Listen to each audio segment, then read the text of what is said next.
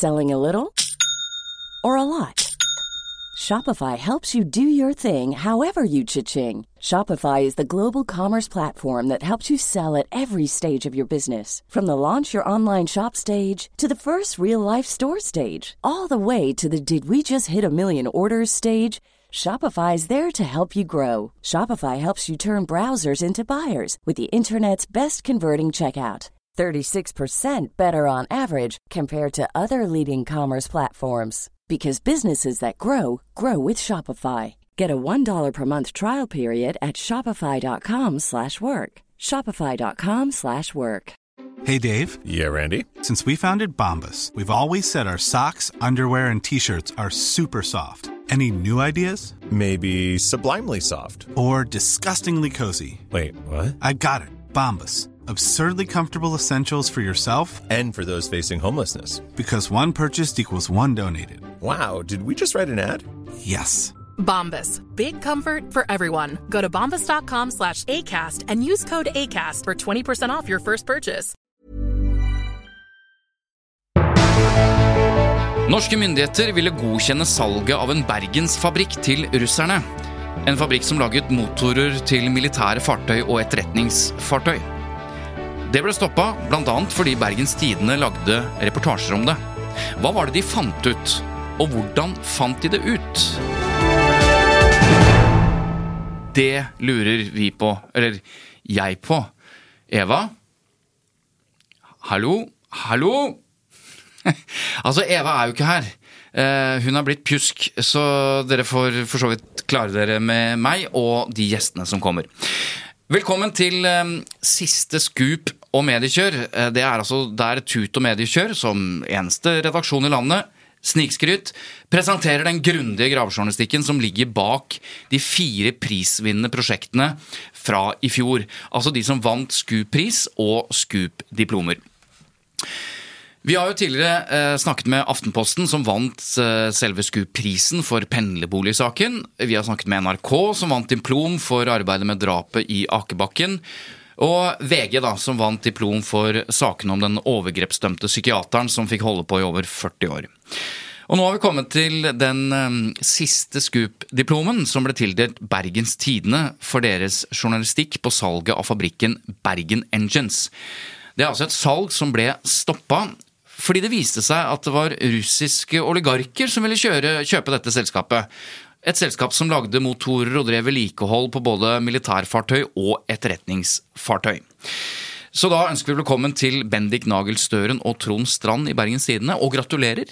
Takk. Takk skal du ha. Eh, kan jeg legge til for egen regning at etter å ha lest metoderapporten, så tenker jeg denne like gjerne kunne vunnet selve Scoop-prisen. Altså Det er selvsagt en ære å få Scoop-diplom også, men hva tenker dere om akkurat det? Jo, Det tror jeg godt kunne vært i en gitt situasjon. Aftenposten fortjente hovedprisen, det er det ikke noe tvil om. Men uh, det hadde ikke det hadde overrasket, ikke... eller hadde ikke vært dårlig gjort om vi også vant den. hadde ikke gjort deg noe? Nei. Hva sier du, Bendik? Nei, det hadde vært hyggelig. Altså det, vi, vi, vi, vi, fikk jo veldig mye oppmerksomhet eh, av kollegaer når vi gikk rundt i gangene og folk kom og, og, og sa de hadde lest rapporten og, og, og syntes det var veldig bra. Mm. Så det, det, Vi fikk jo en veldig god følelse når vi var på, i Tønsberg. Det må, jo, må vi si. Når jeg ser dere nå, altså Dette er jo for dere som hører på, to helt ordinære journalister og menn. altså Ordinære i den forstand de ser ikke annerledes ut enn de andre, men de har jo drevet med litt, litt spesielt arbeid de siste årene. Men du Bennik, hvor lenge har du jobbet i, som, eller i Bergens Tidende? Ja, det, Jeg begynte i Sysla, som var del av Bergens Tidende, så til sammen er det tre år. Tre år, ja. Og Trond, hvor lenge har du jobbet i Bergens Tidende? Eller i journalistikken? Ja, I journalistikken har jeg vel jobbet siden 1985. Eh, og eh, i Bergens Tidende har jeg i prinsippet vært ansatt helt siden 1987. Ja. Så det, er, det er, jo det, det er, Jeg er inne i det fjerde tiåret. Hvordan er det å jobbe med en sånn ungkalv som eh, han som sitter ved siden av deg? Altså, Bendik var jo ikke født engang da jeg begynte i BT. Så, men det er bare noen måneder. Ja, bare noen måneder.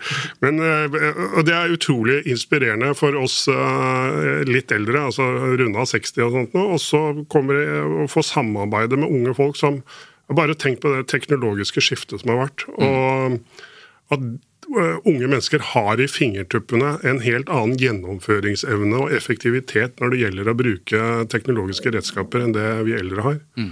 Og det, er, det, er nesten helt nødvendig å samarbeide med yngre krefter uh, for, uh, for oss som har, har er født, på, født, i 1960. Hvordan ser dette ut for deg, Bendik, å samarbeide med, med de som er litt eldre? Nei, Det har jo vært en, en, stor glede, altså et stort privilegium, vil jeg si. Det, Trond Strand er jo en, en, mentor av de sjeldne, så det har vært eh, skikkelig Bruker kanskje litt flere, men Nei, men det, det, er en skikkelig, en skikkelig ressurs. altså. Det mm. håper jeg så mange som mulig kan få glede av. Men begge har vunnet uh, Scoop-diplom, så den uh, fortjener dere like mye, begge to.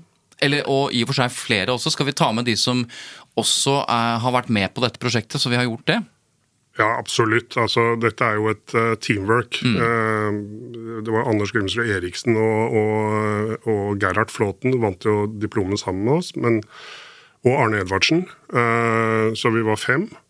I tillegg så er det jo flere andre som har bidratt, ikke minst på reportasjeledelsessiden. Sånn Øystein Ressum, som er gravesjef i BT, nyhetsredaktør Trond Olav Skrunes.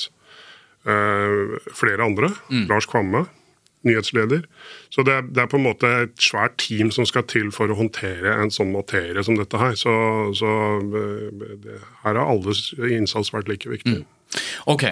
Um, før vi går inn i selve metoden, hvordan dere har funnet ut av dette og hva dere har gjort, så har jeg lyst til å spørre dere om dere kan si noe om altså, hva journalistikken deres egentlig har avdekket. Så vi, så vi starter der. Hvordan ville du oppsummere det, Trond? Nei, vi, vi har jo avdekket en, en, rekke ulike måte, aspekter. Da. Uh, dette dreide seg jo ikke bare om en motorfabrikk, men en av de aller største arbeidsplassene i Bergen. Altså 700 ansatte.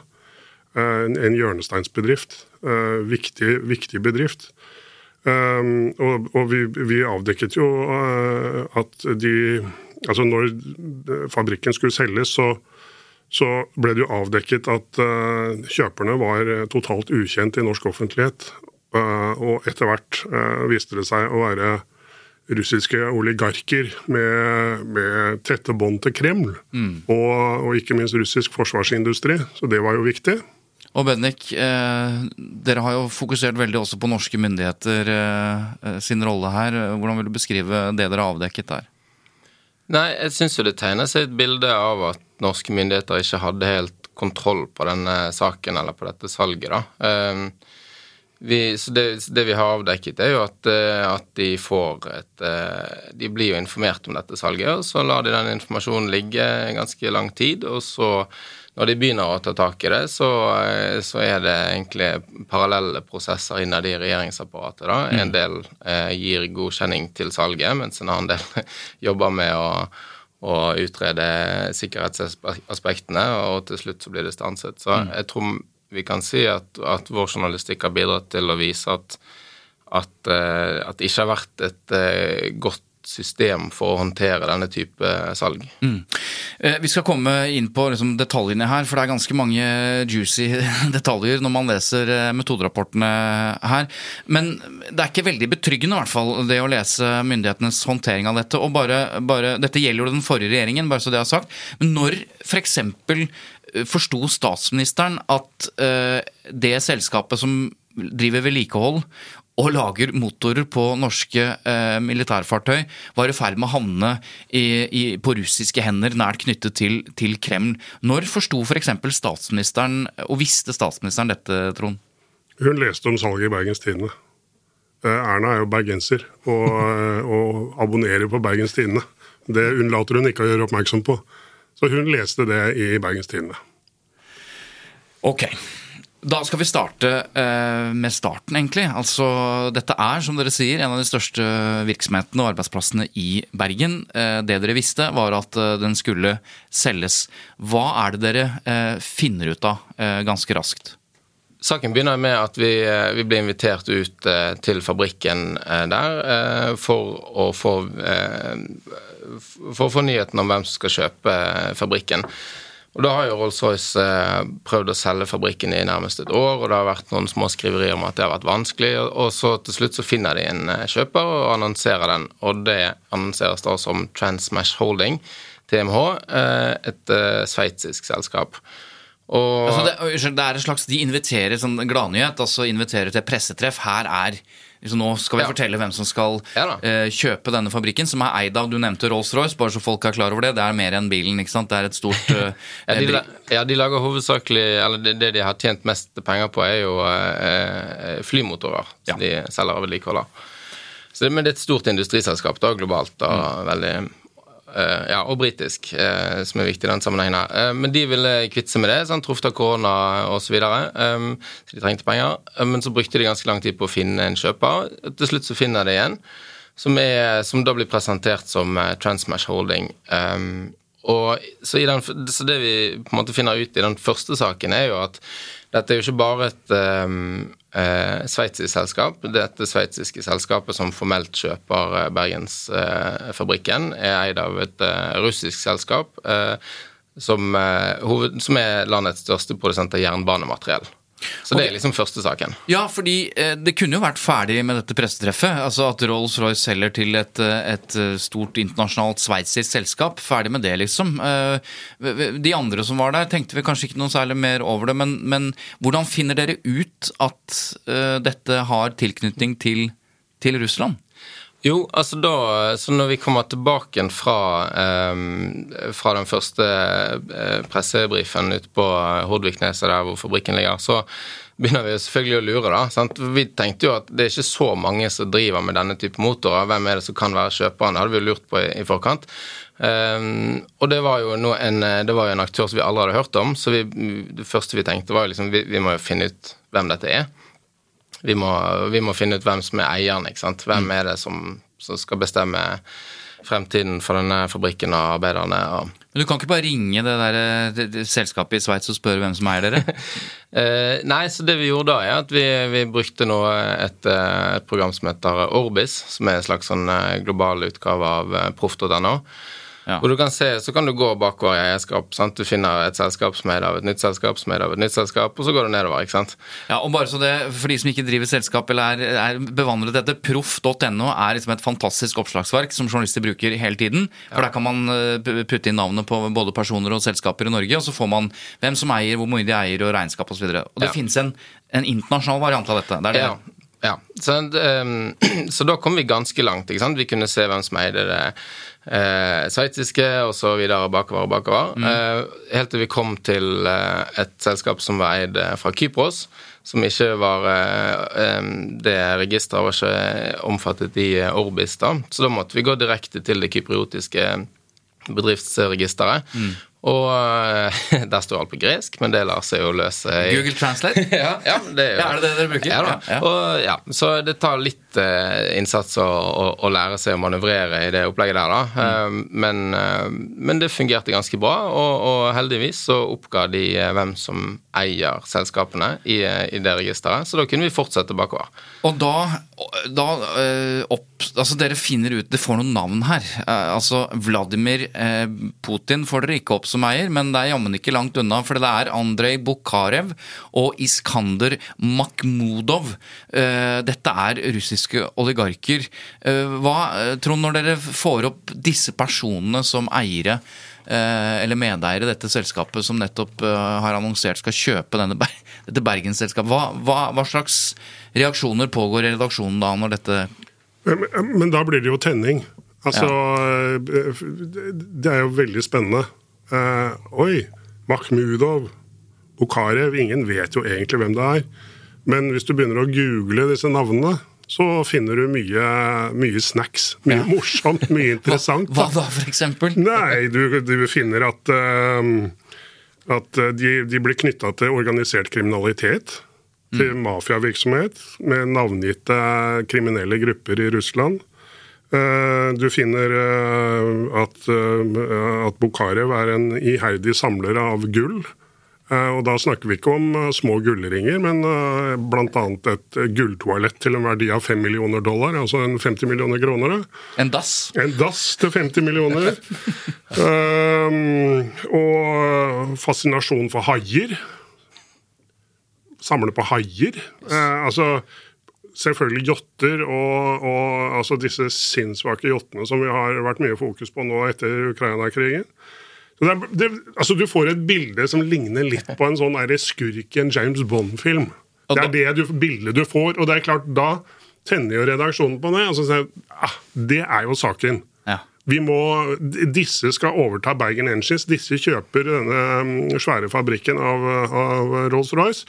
Det er jo gullsamlere og kriminelle. Og, og så dukker jo på en måte også eh, dette her med selskapet opp, og store jernbaneselskaper, og, og tilknytning til Kreml og, og For da begynner å da, altså En ting er liksom det, det, det tabloide med disse russiske oligarkene. og Dere har et bilde også hvor han sitter Det ser ut som han sitter sammen med Vladimir Putin ved det samme bordet som vi har sett i det siste, hvor Putin visstnok holder seg fast. Der, der sitter den ene av disse oligarkene eh, face to face med Så de har åpenbart kontakt med, med Putin, da.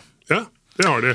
Men, eh, men eh, ikke sant? Og, og så prøver vi Men det er jo vanskelig å få verifisert alle de tingene som ligger på nett. Altså eh, at, at, eh, at de er gullsamlere, eller at de har fascinasjon for haier og knytta til kriminelle organisasjoner og sånn. Det, det er et helt annet løp å finne ut av det. Det er, frist, det, er fristende å skrive det, men, men du, du kan på en måte ikke bygge en historie rundt det fordi det er så Altså som, eh, som vi også har, altså Vi har jo prøvd å kontakte disse selskapene, få kommentarer fra, fra disse kanalene. ikke sant? Mm. Men, men de svarer jo ikke. Vi ser at eh, e-postene blir åpnet og lest, men vi, vi, for det har vi sånn sporingsmekanisme på. ja, det la jeg også merke til. Det er en sånn artig liten sånn kuriositet. Altså, dere har et, en måte som gjør at dere kan se om e-posten dere sender, åpnes og leses. Mm. Er, det, er det bare en app, eller hva? Hvordan gjør man det? Ja, det er jeg litt usikker på, faktisk. Det er Gerhard som gjorde det. Ja, Vet du Gerhard. det? Ja. Nei, men du, du, du får en melding tilbake Ja. på, på mailen. Nettopp. At her er det lest. Ja. Så Vi så det ble åpnet i både i, i Frankrike og i Russland. Men um, når vi sendte e-post til disse to oligarkene, da. Men uh, vi får ikke noe svar fra dem. Men uh, noen som svarte, det var norske myndigheter. For dere stilte jo spørsmål eh, til norske myndigheter også om, om dette salget, og da, og da svarer de sitat Myndighetene overvåker ikke transaksjoner som foretas av kommersielle aktører. Departementet var kjent med salget. Og så sier de vi anser dette som en avtale om salg mellom to kommersielle aktører, noe departementet ikke skal eller bør blande seg inn i. Ja. Det var første Men nå- svaret. Nå foregriper du begivenhetene litt. Grann, fordi jeg, jeg, tror det er litt viktig å nevne at, at altså, disse her oligarkene var liksom eh, det var, det var interessant, men vi, vi fant jo ganske raskt ut at det, det der ble krevende å lage noe på. Men så dukket hva, hva, hva er egentlig Transmash Holding? Altså, Hva holder de på med? Eh, Hva er det de tjener pengene sine på? Nettopp. Hvilket Bare- selskap er det? ikke sant? Og da, da, da dukket altså Det var et jernbaneselskap i utgangspunktet. Men så, eh, eh, Og de er jo leverandører av, til, til russisk forsvarsindustri. Har laget togvogner som er for, for, for transport av, missiler og atomvåpen, f.eks. Um, og de, de og etter hvert så, så oppdaget vi også et samarbeid mellom Transmash Holding og eh, et svært selskap som het eh, eh, United Shipbuilding Company, var det ikke det? Jo. Eh, og, og, mm, som er store på produksjon av russiske krigsskip. Ja, Så det er dette som blir saken, altså hva dette selskapet er linket til. Altså Én ting er, er originale eiere og oligarker som har særinteresser, men dette her at selskapet leverte eh, materiell og jobbet tett på den russiske eh, ja, eller russisk eh, både forsvarsindustri og infrastruktur, det var det dere fant ut. Ja, og Vi oppdaget at Makhmudov eksempel, liker å titulere seg selv som en av Putins sanne soldater. Sant? Altså, her var båndene til, til Kreml eh, eh, ganske tydelige. Og da dreier jo selvfølgelig fokuset hos oss seg. Og det er jo det vi begynner å ane konturen av når vi sender det første spørsmålet til, eh, til regjeringen. Og det, det sender vi allerede Altså, Kronologien her er at vi sender det allerede 15. februar, altså i midten av februar. da. Men hva slags spørsmål stiller dere da til eh, altså Dere har jo veldig mye informasjon, eller På et eller annet tidspunkt så har dere en god del informasjon. Men dere, hva, hva- er det dere forteller eh, departementet at dere har når dere stiller spørsmål om dette salget først? Eh, Det, vi kan, eh, det som er viktig for meg der, er jo at eh, når vi henvender oss til eh, Nærings- og fiskeridepartementet, som var de vi henvendte oss til først, da, da har vi funnet ut at eh, Bergen Engines-motorene brukes på flere eh, norske kystvaktskip. Eh, så de er liksom eh, Ja, så det norske forsvaret er en kunde av, eh, av fabrikken. Så det er på en måte eh, og eh, sammen med det som Trond beskrev, så, så henvender vi oss og spør eh, myndighetene er dette problematisk. Ok, så dere, den, I første spørsmål, når de svarer, og jeg kan sitere her, vi anser dette som en avtale om salg mellom to kommersielle aktører, noe departementet ikke skal eller bør blande seg inn i. Dette er en del av et svar dere får fra departementet. Når de svarer dette, vet de da at dere har funnet ut at dette russiske eh, selskapet eh, står bak, og at Bergen Engines leverer motorer til kystvaktskip? Altså Vet departementet hva de svarer på? De, de kunne, ja, de, hva de visste på hvilket tidspunkt er litt sånn kinkig detaljspørsmål. ikke sant? Okay. Fordi, eh, men, men det de visste, var at det var en russisk aktør. Eh, som, som, om, om, de hadde noen kommentarer til det. Men senere hen så viste det seg jo at allerede i 15. desember, altså noen måneder før dette, så hadde jo eh, regjeringen blitt varslet av eh, Rolls-Royce om at dette salget var på gang under hånden, eh, med et detaljert brev, og hvor det ble beskrevet at kjøperne er sånn og sånn selskap. Eh, oligarkene Makhmudov og Bukharev de, de er inne på eiersiden, de har tette bånd til, eh, til Kreml.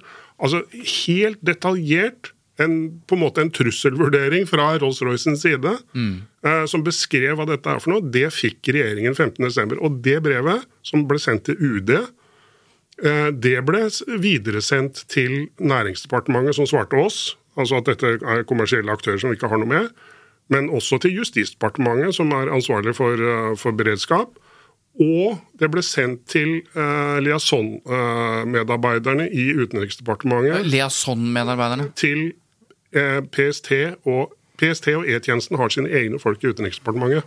Og de fikk også eh, oversendt dette eh, brevet fra Rolls-Royce. Så, så, så hele på en måte apparatet hadde muligheten til å vite hva dette var i detalj, men det hadde blitt lagt i en skuff, og ingen hadde giddet å følge det opp. Altså, når du sier altså Vent nå litt. Altså, Regjeringen, Utenriksdepartementet og disse departementene du, eh, du nå forteller om, de visste om dette salget før Bergens Tidende har skrevet en eneste artikkel om det. Ja, De hadde blitt informert om det, men de ble lagt i en skuff, og ingen hadde brydd seg. Og når du sier departementet, da tenker jeg at vi snakker om byråkratiet. Altså, ja, det er jo, altså, det, du kan godt si, ikke sant? det er jo forskjellige departementer som er involvert her. ikke sant? Det er Næringsdepartementet, det er Justisdepartementet, etter hvert er det Forsvarsdepartementet, og så er det Utenriksdepartementet, og etter hvert til slutt også Statsministerens kontor. Så det er, det er en rekke forskjellige departementer. så det, det, Samlebetegnelsen på det er jo regjeringen. Ja, Det skjønner jeg, men bare sånn at lytterne skal henge med. Altså Når vi snakker ofte om regjeringen, så, så tenker man statsråder og, og politikere osv. Men de som håndterer dette eh, i utgangspunktet, det er det vi kaller byråkratiet. Altså de som er ansatt i de ulike departementene. Vet dere noe om, bortsett fra statsministeren ikke visste om det før hun leste Bergens Tidende noen måneder senere, men hvordan, hvordan blir Vet dere noe om, om politisk ledelse blir informert om dette? Ja, det, eh, Dette er jo klarlagt sånn delvis eh, i ettertid. Altså, Dette visste vi ikke på det tidspunktet vi drev og undersøkte det. Men, men eh, de, de Næringsdepartementet som svarte oss altså eh, Jeg forstår at det er litt vanskelig å henge med i Ja, ja. Men, Men, Vi prøver, altså, prøver, vi prøver. Ja, ja, men, men, men Næringsdepartementet svarte altså oss altså 15. februar, altså i midten av februar, at dette er en avtale mellom kommersielle aktører som eh, vi ikke har noe med. Nettopp. Men en måned før det igjen Altså, Først sender Rolls-Royce varselet 15.12., som blir sendt. Ikke sant? Bare husk nå at dette her er russiske oligarker, og, og sånn og sånn. Det blir lagt i en skuff. Riktig. Så får en måned senere, midten av januar, så får Næringsdepartementet en, et tips fra en aktør som sier at oi, oi, husk her, se her, her eh, er et selskap i ferd med å bli solgt, Og det selskapet har eh, laget motorene på Marjata f.eks. og eh, øvrige skip til Forsvaret. Marjata er etterretningstjenestens spionskip. Ja, Som brukes av Nato, eller som er en del av vårt Ja, ja, det er en del av en veldig viktig element i norsk sikkerhetspolitikk. Så de får en varsel, altså et tips, et varsel? De får et eksternt varsel eh, i midten av januar. Og det, og det tar departementsråden i eh, Næringsdepartementet opp med sine Altså den øverste leder i byråkratiet, da. Opp med sine, sine kolleger i de andre berørte departementene. Eller andre relevante departementer. Eh, I etterkant av et sånt vanlig fast møte så tar hun opp det, og så orienterer hun om dette. Og hun orienterer også sine egne folk i, i departementet om, om dette her. Og da blir på sett og vis eh, regjeringen eh, varslet, og, eh, og statsrådene også sannsynligvis blir, blir varslet i kjølvannet av det. Vi vet med 100 sikkerhet at, eh, at, eh, at næringsministeren eh, blir, blir orientert på det tidspunktet. Ok, og det, eh, dette, er altså, dette skjer før eh, dere stiller spørsmål, og svaret er at dette er uproblematisk. Ja, Det skjer en måned før, før vi stiller spørsmål. og Da er svaret nei, dette er helt uproblematisk. Så de hadde ikke tenkt å legge seg opp i det. Det er poenget. ikke sant? Det er poenget. Og så kommer første eh, oppslag i Bergens Tidende. Det er eh, forside. Russisk kontrollert selskap får ansvaret for service på norske kystvaktskip. Det er liksom første av ja, nesten 50 er det vel, oppslag dere har i løpet av disse dagene som kommer. Men det er det, det, er det første. Hva slags reaksjon kommer da på denne, dette første oppslaget? Hva, hva er det som skjer da? Nei, ja, Da begynner jo eh, opposisjonen selvfølgelig å stille spørsmål ved dette. da. De som virkelig ikke vet noen ting om dette, kan vi si da, det er de som sitter på Stortinget. Ja, eh, ja, det kan du si. De, eh, eh, dette virket jo som en nyhet for de, og de begynner å stille spørsmål og, er kritiske og krever svar egentlig på det samme som vi krever svar på. da. Så etter hvert som vi da publiserer flere saker Vi følger jo opp med litt det som Trond var inne på i sted, med, med koblingen til den russiske marinen og, og med Mariata. At, at etterretningsskipet Mariata også bruker Bergen Engines motorer. Fors forsiden da er motorene til E-tjenesten superskip er levert av Bergen Engines, som nå overtas av russerne. Så det, det kommer noen dager etterpå. Det, det, Så etter hvert Det går ganske jeg går ganske radig eh, fort i, i, de dagene og ukene etter eh, den første saken eh, om, om kystvaktskipene. Um, eh, hvor vi liksom klarer å, å, å fylle ut bildet av Bergensfabrikken, eh, som har produsert eh, og driver vedlikehold på motorer for Kystvakten, for dette etterretningsskipet, og eh, at kjøperen har koblinger til det russiske militæret og til den russiske marinen. Eh, og at også eh, amerikansk marine bruker Bergen Engines motorer. Flere Nato-land bruker Bergen Engines motorer, og de eh, får også vedlikeholdet sitt utført. Så da, etter hvert som disse sakene kommer i rask rekkefølge, da, så, så begynner jo opposisjonen virkelig å, å reagere og stille spørsmål, og krever etter hvert en, en redegjørelse i Stortinget. Og nå er, nå er liksom alt er liksom stirred up og shaken nå. Nå, er, nå begynner det å skje ting. Men, men la oss allikevel eh, stoppe opp litt. Fordi når dere forteller om alt dette, og at du kan vite hva som skjedde en måned før, og du kan vite hva som skjedde allerede i desember osv. Dette skyldes jo at dere ber om innsyn i offentlige dokumenter. Eh, fortell litt om eh, hvordan den jobben har vært i dette tilfellet. Det å be om innsyn og få tilgang til som jo pressen skal ha, alt av, av offentlig kommunikasjon og kommunikasjon som går mellom departementer osv. Hvordan har den jobben vært? Det må vel kunne sies å være eh, en veldig tung jobb, da. Eh, det, og du, har på en måte Grunnloven slår fast at du har rett på å se statens dokumenter. Ja, det er liksom hovedoverskriften i det. Og offentlighetsloven er det som på en måte regulerer det. Da. Det som står i Grunnloven.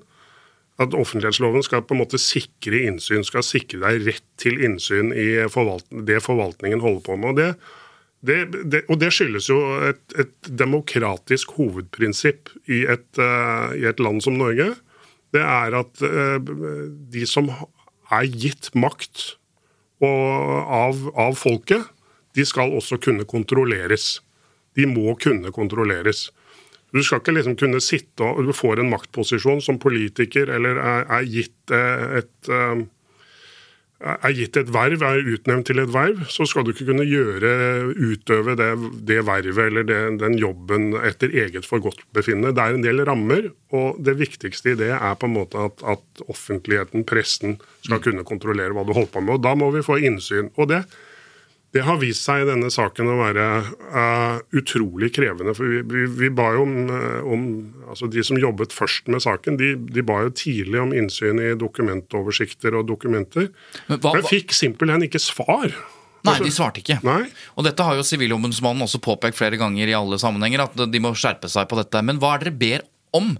For at En ting er jo liksom å se det vi kaller e, altså i postlistene. så Da har dere søk, ikke sant? så det mm. dukker opp interessante ord i overskrifter osv. Så, videre, så dere ber om innsyn i enkeltdokumenter. Men kan dere, kan dere bare si til departementet at ja, vi jobber med denne saken, så la oss få alle dokumenter, vær så snill, om denne saken. Er det en innsynsbegjæring som kan sendes av gårde? Ja, altså det, I starten er jo det det vi gjør. sant? Vi spør om vi kan få innsyn i alle dokumenter eh, og oversikter over dokumenter som har med denne saken å gjøre. Ja. Men det gir veldig lite uttelling. Altså Det burde ikke gi litt, litt uttelling, vi burde jo få det. Men ja, Du burde komme en kasse på døra med alle dokumentene. Ja, men det er ikke vanskelig for, eh, for, eh, for, eh, for, departementet å gjøre dette. Sant? For de har jo, eh, de har jo sin postjournal, mm. så det er bare å trykke plint og sende av gårde.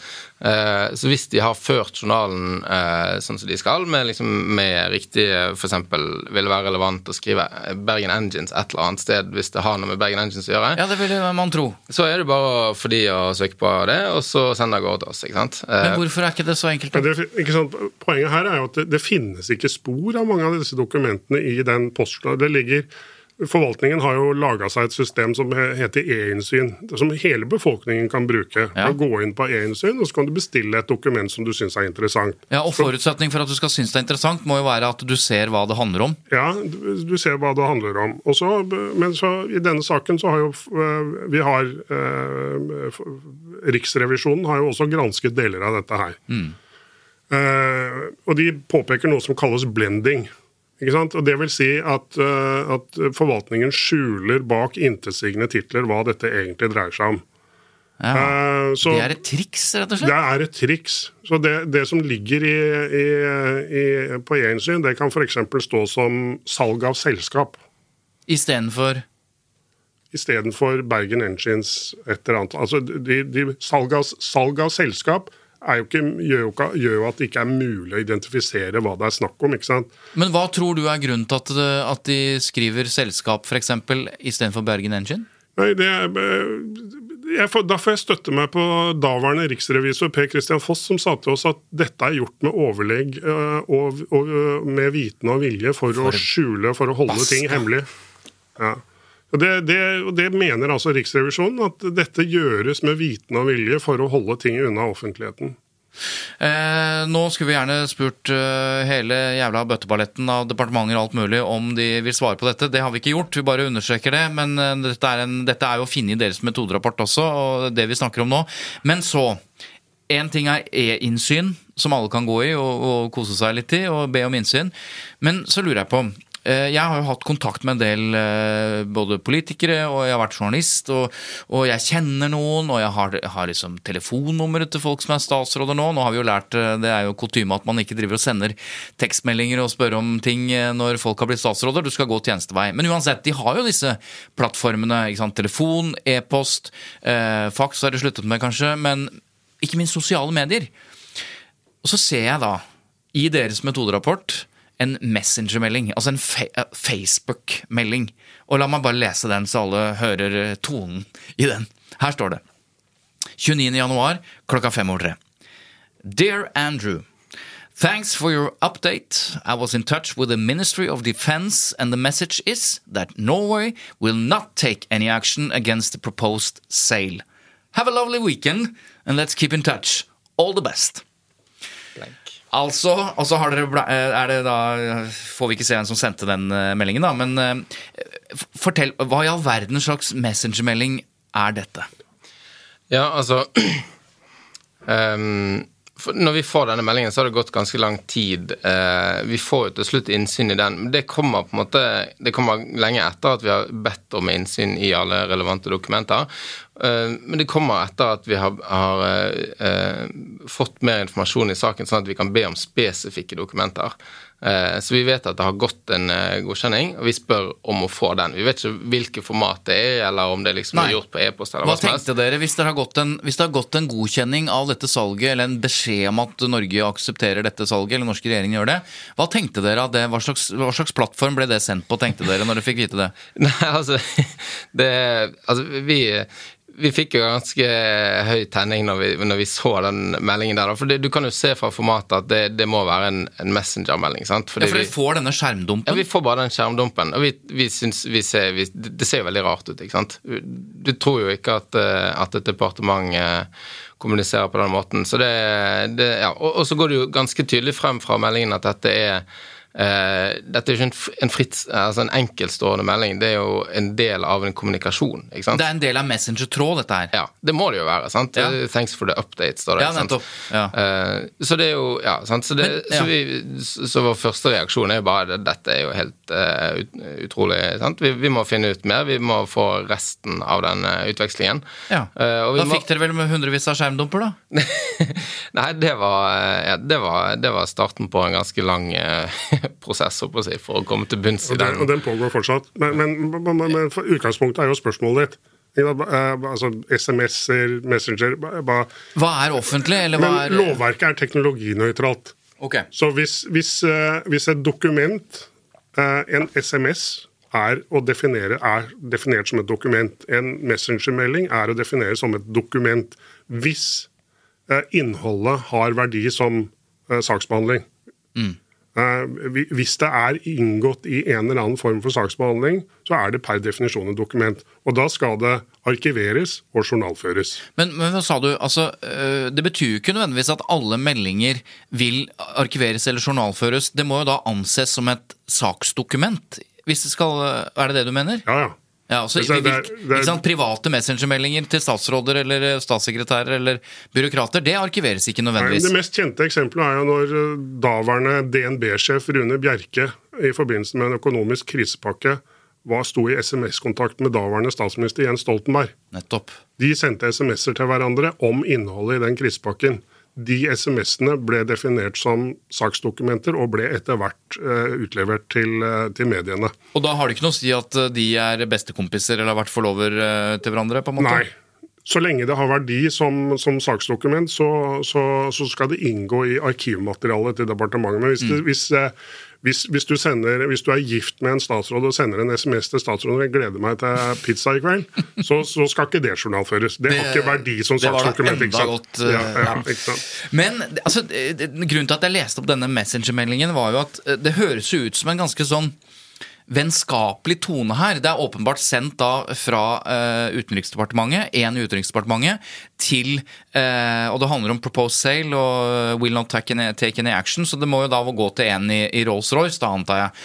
Men denne, denne vennskapelige, eller denne tonen, hvordan, hvordan, hva slags interesse vekker det, og hva, hva, hva finner dere ut av? Jo, vi blir jo selvfølgelig veldig nysgjerrig på, på hvem disse partene er, da. Um, og gjør en eh, innsats for å, å, å finne ut hva slags relasjon de har. Så vi finner jo ut eh, vi finner ut hvem eh, denne fagdirektøren i Utenriksdepartementet er, da.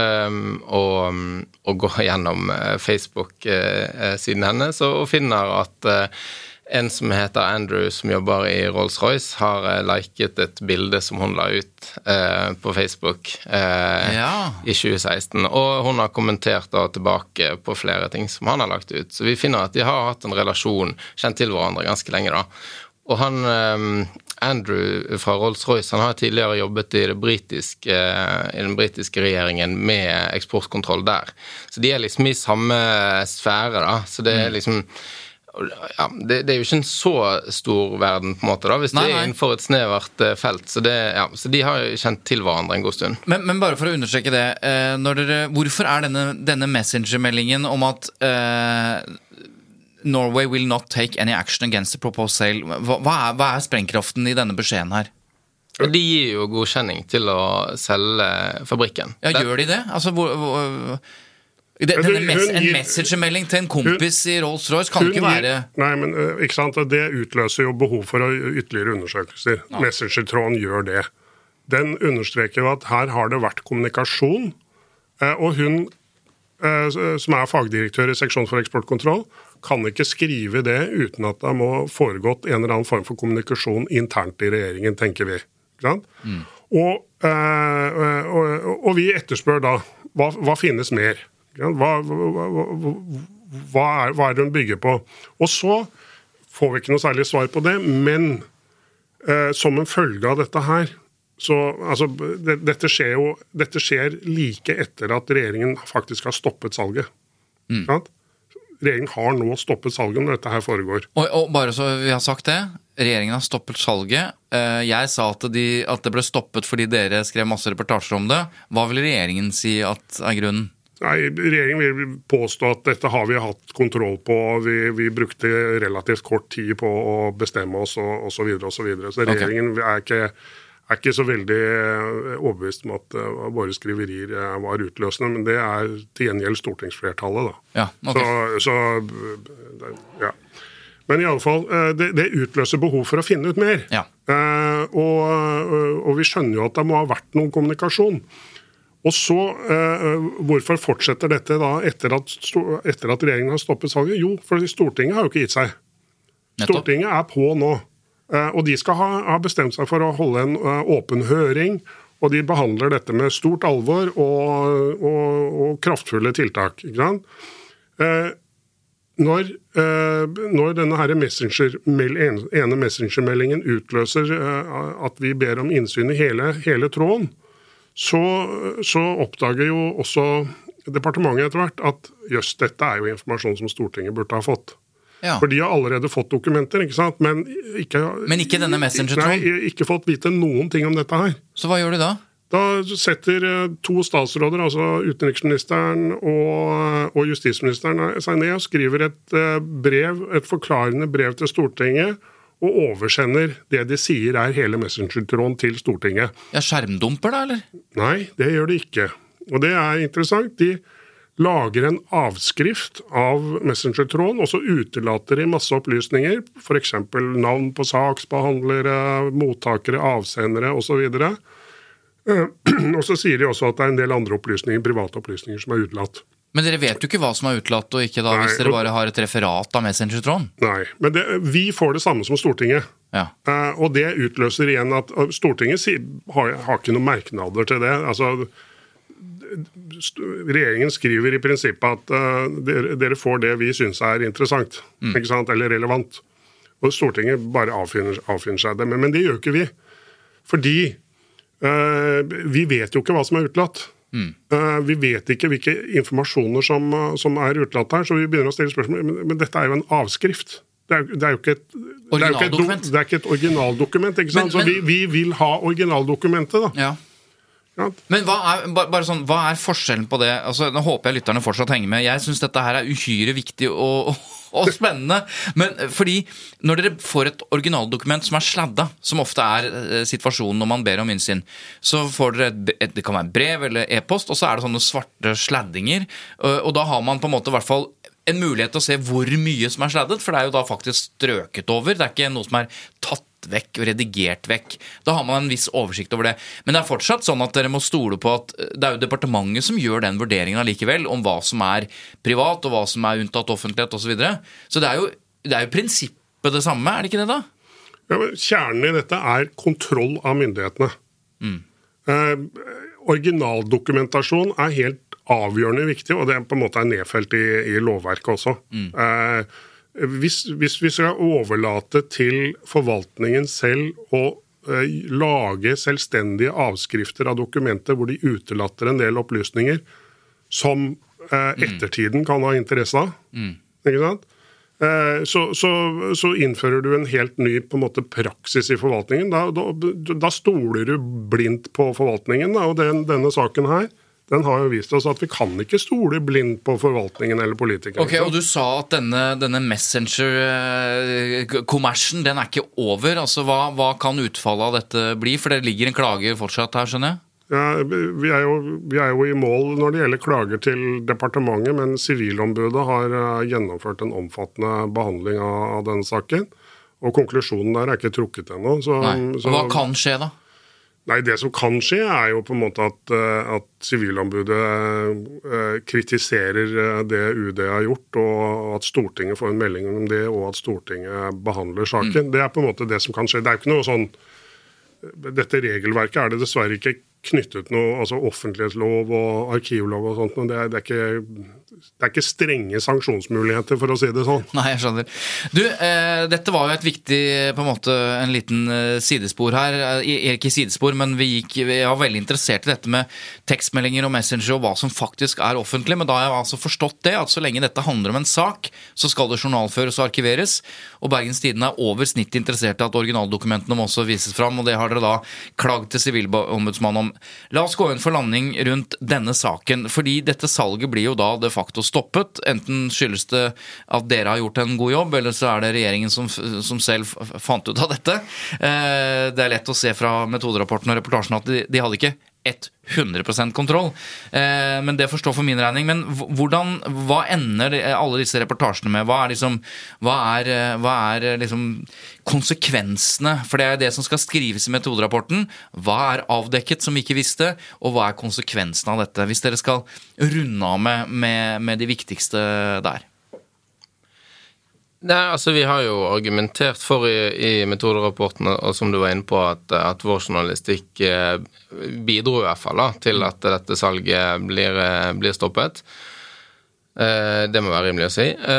Og så har jo det vist at systemet for å håndtere denne type salg ikke var tilstrekkelig, og det kan vi jo se på at regjeringen, den forrige Regjeringen foreslo endringer i sikkerhetsloven, og nå har eh, Nasjonal sikkerhetsmyndighet fått et ansvar for eh, å være et kontaktpunkt for denne type salg. Eh, så det er gjort flere endringer i, i, i, i måten mm. regjeringen skal og, det, og man skal ha screeningmekanisme for, for, å plukke opp flere denne type salg. Så ja, så eh, de handlingene som blir og, og, eh, kanskje viktig å legge til at Riksrevisjonen gjorde jo en undersøkelse her hvor de fant at eh, departementene hadde en eh, praksis som de mente var eh, eh sterkt kritikkverdig. På innsyn, blant annet. Ja. ja. Og den, den rapporten stilte Stortinget seg bak, og regjeringen sa at dette skal vi følge opp. Mm. Også, Trond, vi må huske på at dette skjedde før krigen, eller invasjonen av Ukraina. Ukraina. Eh, jeg bare tenker eh, hvis nå, midt i det som foregår, kanskje usannsynlig, men så hadde det dukket opp en nyhet om at russiske oligarker eh, var i ferd med å ta over et, et, en fabrikk i Norge som, som, gjorde dette, som leverte motor og drev vedlikehold på etterretningsskip. osv. nå virker det jo helt gale, Mathias. Jeg mener, Den konteksten eh, vi har nå, eh, gjør jo at når du leser disse sakene på nytt, i hvert fall for min egen del, så tenker jeg sånn Hvordan er det mulig? Altså, Hvordan kan de legge et varsel om dette, en opplysning fra Rolls-Royce om dette, i skuffen? I hvert fall i det klimaet vi er i nå, så virker det helt vanvittig. Jeg vet ikke hva du tenker? Jo, men jeg, altså Tenk hvis dette selskapet hadde fått overta Bergen Engines. Ja, ja. Hva, hadde, hva, hadde, man gjort nå da, i denne situasjonen vi står i med krigen i Ukraina? Kanskje enda man, mer relevant, da. Ja, hva, altså, hadde man stengt ned fabrik... Altså, hva hadde man gjort? Det hadde vært en veldig kinkig situasjon, men, men jeg vil eh, trekke det litt tilbake. Mm. Veldig kort. Si at uh, regjeringen kom jo selv opp med argumenter helt på tampen av prosessen før de stoppet salget Eh, om at eh, lokaliseringen til fabrikken var kritisk. Og, for avgjørelsen om å ikke selge? Ja. For eh, like i nærheten så ligger det et Nato-anlegg, en lyttestasjon. Det er en kabel som går under innseilingen til Bergen. som fanger opp signaler av de skipene som går over, slik at de kan identifisere hvilke skip det er. Og Derfor så skrev regjeringen når de bestemte seg for å stoppe salget, at lokaliseringen er ideell for sabotasje og spionasje. Eh, og det passer jo inn i et bilde som PST og E-tjenesten har tegnet gjennom flere år, at strategiske oppkjøp fra f.eks. Russland og Kina er en sikkerhetsutfordring for Norge. Mm. Um, så, så, på en måte det, det, Sikkerhetsutfordringen var der. Uh, det nye er jo selvfølgelig at Russland har gått til krig i Ukraina. Mm. Uh, men, men, men, alvorligheten av det var til stede også før, før, dette, før dette, ble konkludert. Da. Nettopp. Ja, Eh, nei, så jeg tenkte Altså, når, når regjeringen til slutt stanser salget, så eh, så legger de til grunn en begrunnelse som er litt annerledes enn det fokuset regjeringen hadde i starten av behandlingen av saken. Som Trond var inne på, så er det jo denne strategiske plasseringen en del av, av begrunnelsen. Uh, og uh, i tillegg til det så er det uh, hensynet til at det russiske forsvaret ikke skal få en betydelig boost ved å få tilgang til disse motorene. Mm. Det ville hjulpet den russiske marinen å ruste opp. Det har vært et problem for dem, men de har, ikke, de har slitt med denne type motorer selv. Så den tilgangen ville vært en, en til stor hjelp for dem. Og så i tillegg ville det vært en, en, teknologioverføring til Russland som ikke ville vært i Norges interesse. Så eh, hvis man liksom skal argumentere for at vår journalistikk eh, hadde noe å si her, da, så var jo denne teknologioverføringen og, eh, og en eventuell gevinst for det russiske forsvaret var vårt fokus eh, helt i starten av saken. Mens hvis du ser på regjeringens fokus og hvordan de forholder seg til saken, så er de i starten mye mer opptatt av konsekvensene for eh, kystvaktskipene. Hvordan kan de håndtere dette praktisk? Kan vi bytte ut disse motorene? ikke sant? Og så endrer det, Men det endrer seg, rett og slett? Så endrer, ja. Utad så endrer kommunikasjonen seg i løpet av en periode. da. Mm. Eh, og så kunne det jo kanskje skjedd uansett, men ikke sant, det Ja, vi, vi var i hvert fall Hadde den, det, den, det fokuset tidligere. Dette er en sak som, eh, som på, på, sett og vis viser hvor viktig det er eh, at dere holder på med dette. Eh, vi i Tut Mediekjør har jo av og til et mer kritisk blikk på, på mediene. Det er litt vrient å være veldig veldig kritisk til det som er måte, gullstandarden i journalistikken, også den gravende journalistikken, men det er allikevel mulig å stille spørsmålstegn ved en del av den gravejournalistikken. Hvilke, hvilke vurderinger som blir gjort, hvilke etiske eh, publiseringsregler som blir gjort. Eh, når det gjelder etiske utfordringer, så antar jeg at de har vært større i andre metoderapporter som omtaler både personlige forhold osv. Men, men kan dere si noe om noen liksom, etiske vurderinger dere har gjort underveis når det gjelder publisering? Jeg mener dette dreier seg om uh, i, i, siste instans rikets sikkerhet. Uh, har det vært noen liksom, Hva har vært utfordringene på, på det etiske her, om, om noen, da?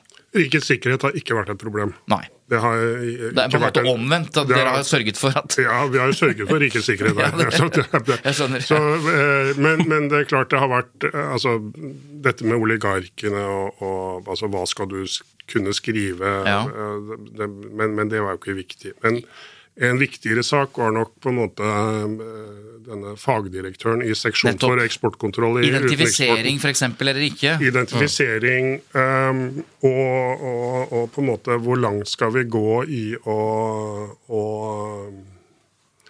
presse henne til å si noe til oss, f.eks. Mm. Ja, hva valgte dere, da? Nei, Vi har jo ikke Vi, vi, har, vi har, valgt en forsiktig linje, da. Ja. Uh, så Men uh, uh, vi har jo presset på for å få vedkommende til å snakke med oss. Mm. Uh, men det har vedkommende ikke ønsket. Og vår oppfatning er jo at hun, hun, til en viss grad ble kastet under bussen av utenriksministeren sin. Mm. av Ine Eriksen Søreide. Fordi den dokumentasjonen vi etter hvert satt på, viste jo at denne fagdirektøren faktisk varslet de andre departementene faktisk spurte Forsvarsdepartementet er det noen grunn til å stoppe salget, og fikk som svar at nei, det er ikke noen grunn til å stoppe salget. ikke sant? Så det hun formidlet på denne Messenger-tråden, det hadde hun jo dekning for, viser dokumentasjonen i ettertid. Uh, likevel så ble hun på en måte tatt for å ha kommunisert på en måte illegitimt på Messenger av sin egen statsråd. Altså, ja, Hva slags konsekvenser fikk det? Nei, Det har ikke fått noen konsekvenser for henne som vi kjenner til. da. Mm. Uh, men, men, hun ble på en måte kritisert uh, av, av, statsråden sin. og det tror jeg ikke var helt lett for henne. da. Um, så, så, og der måtte vi gjøre mange avveininger. Hvordan, hvor skal vi, skal, vi, skal vi banke på hjemme hos henne? ikke sant? Skal vi, hvordan skal vi gå frem? Skal vi, skal vi gjøre noe mer? Skal vi kontakte henne på Messenger? Men dette var åpenbart et, et, et større case enn en personlig feil. Dette er et system som ikke har, har fungert. da. Det er jo systemfeil Ja. som er, er, er Og som Stortinget også til slutt kritiserte. da. Mm. Og det må vi jo si. ikke sant? Stortinget endte jo opp med å gjøre et såkalt daddelvedtak. Daddelvedtak, ja. Ja. Hva er det for noe, Trond? Ja, hva er et daddelvedtak? Jo, daddelvedtak det, det er en sånn historisk betegnelse. Eh, Det, det, det stammer fra at kongen ikke, var ufeilbarlig. Ja. Kongen kunne ikke kritiseres. Ikke sant? Så hvis du eh, så, nå, nå brukes det altså om eh, den eh, kritikken som Stortinget, den alvorligste kritikken som Stortinget reiser uten at det reises mistillitsforslag. Nettopp. For det har for noen var, andre poenget konsekvenser. her er, her er flert, altså Regjeringen er jo avhengig av flertallet på Stortinget. Mm. Så hvis du ikke har flertallet bak deg på Stortinget, så kan du ikke sitte i regjering. Du må ha flertallet bak deg. og Her var flertallet helt enige om å kritisere regjeringen veldig kraftig. Mm. Eh, Men de velger å ikke gjøre et mistillits, fremme et mistillitsforslag. De gjør et daddelvedtak, altså den sterkeste kritikken de kan gjøre uten å felle regjeringen. Nettopp. Da vet vi det. Jeg er litt usikker på hvor daddelen kom inn i bildet, men det er vel eh, enda, går enda lenger tilbake. Daddel har ikke noe med dadler å gjøre, det har med, med, med tillit å gjøre. Ok, skjønner. Du, tusen takk, for at, uh, tusen takk for at dere kom. Altså, vi har snakket om uh, det som resulterte, det arbeidet i Bergens Tidende som, uh, som resulterte i en Scoop-diplom, eh, som jo er en høythengende pris. Og det er en metodepris, så det er metoderapporten dere har skrevet som ligger til grunn for dette, i tillegg til selvfølgelig all publiseringen. Men hvis folk har lyst til å lese mer om dette, så er jo disse eh, metoderapportene alle sammen, også, også altså alle 62 som er meldt inn, hvis du har god tid, men også disse som da førte til eh, Scoop-pris, og det er mulig å gå inn på Scoop, og så finner du, finner du dem. Igjen, gratulerer med, med vel utført arbeid, eh, mine herrer. Da skal dere si tusen takk, Takk. for at jeg fikk komme hit. Tusen hjertelig takk. takk. Nettopp. Takk for at du fikk komme. Bendik Nagelsstøren og Trond Strand. Og med det så er denne bonusepisoden av Tut Mediekjør eh, over. Da, da har vi på en måte eh, summert opp alle Scoop-vinnerne. Og eh, vi er tilbake med en ordinær episode om ikke så lenge. Eh, produsent for Tut Mediekjør er Lydeproduksjoner. Produksjoner. Eva er tilbake før du vet ordet av det, og jeg heter Svein Tore Bergestuen, og vi høres igjen, ja, ikke sant, når du vil. Ha det.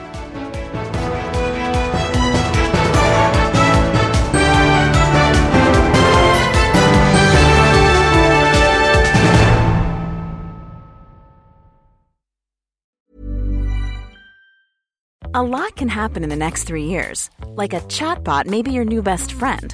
But what won't change? Needing health insurance. United Healthcare Tri Term Medical Plans are available for these changing times. Underwritten by Golden Rule Insurance Company, they offer budget friendly, flexible coverage for people who are in between jobs or missed open enrollment. The plans last nearly three years in some states, with access to a nationwide network of doctors and hospitals. So, for whatever tomorrow brings, United Healthcare Tri Term Medical Plans may be for you. Learn more at uh1.com. Hey, it's Danny Pellegrino from Everything Iconic. Ready to upgrade your style game without blowing your budget? Check out Quince. They've got all the good stuff shirts and polos, activewear, and fine leather goods, all at 50 to 80% less than other high end brands. And the best part? They're all about safe, ethical, and responsible manufacturing. Get that luxury vibe without the luxury price tag. Hit up quince.com slash upgrade for free shipping and 365 day returns on your next order. That's quince.com slash upgrade.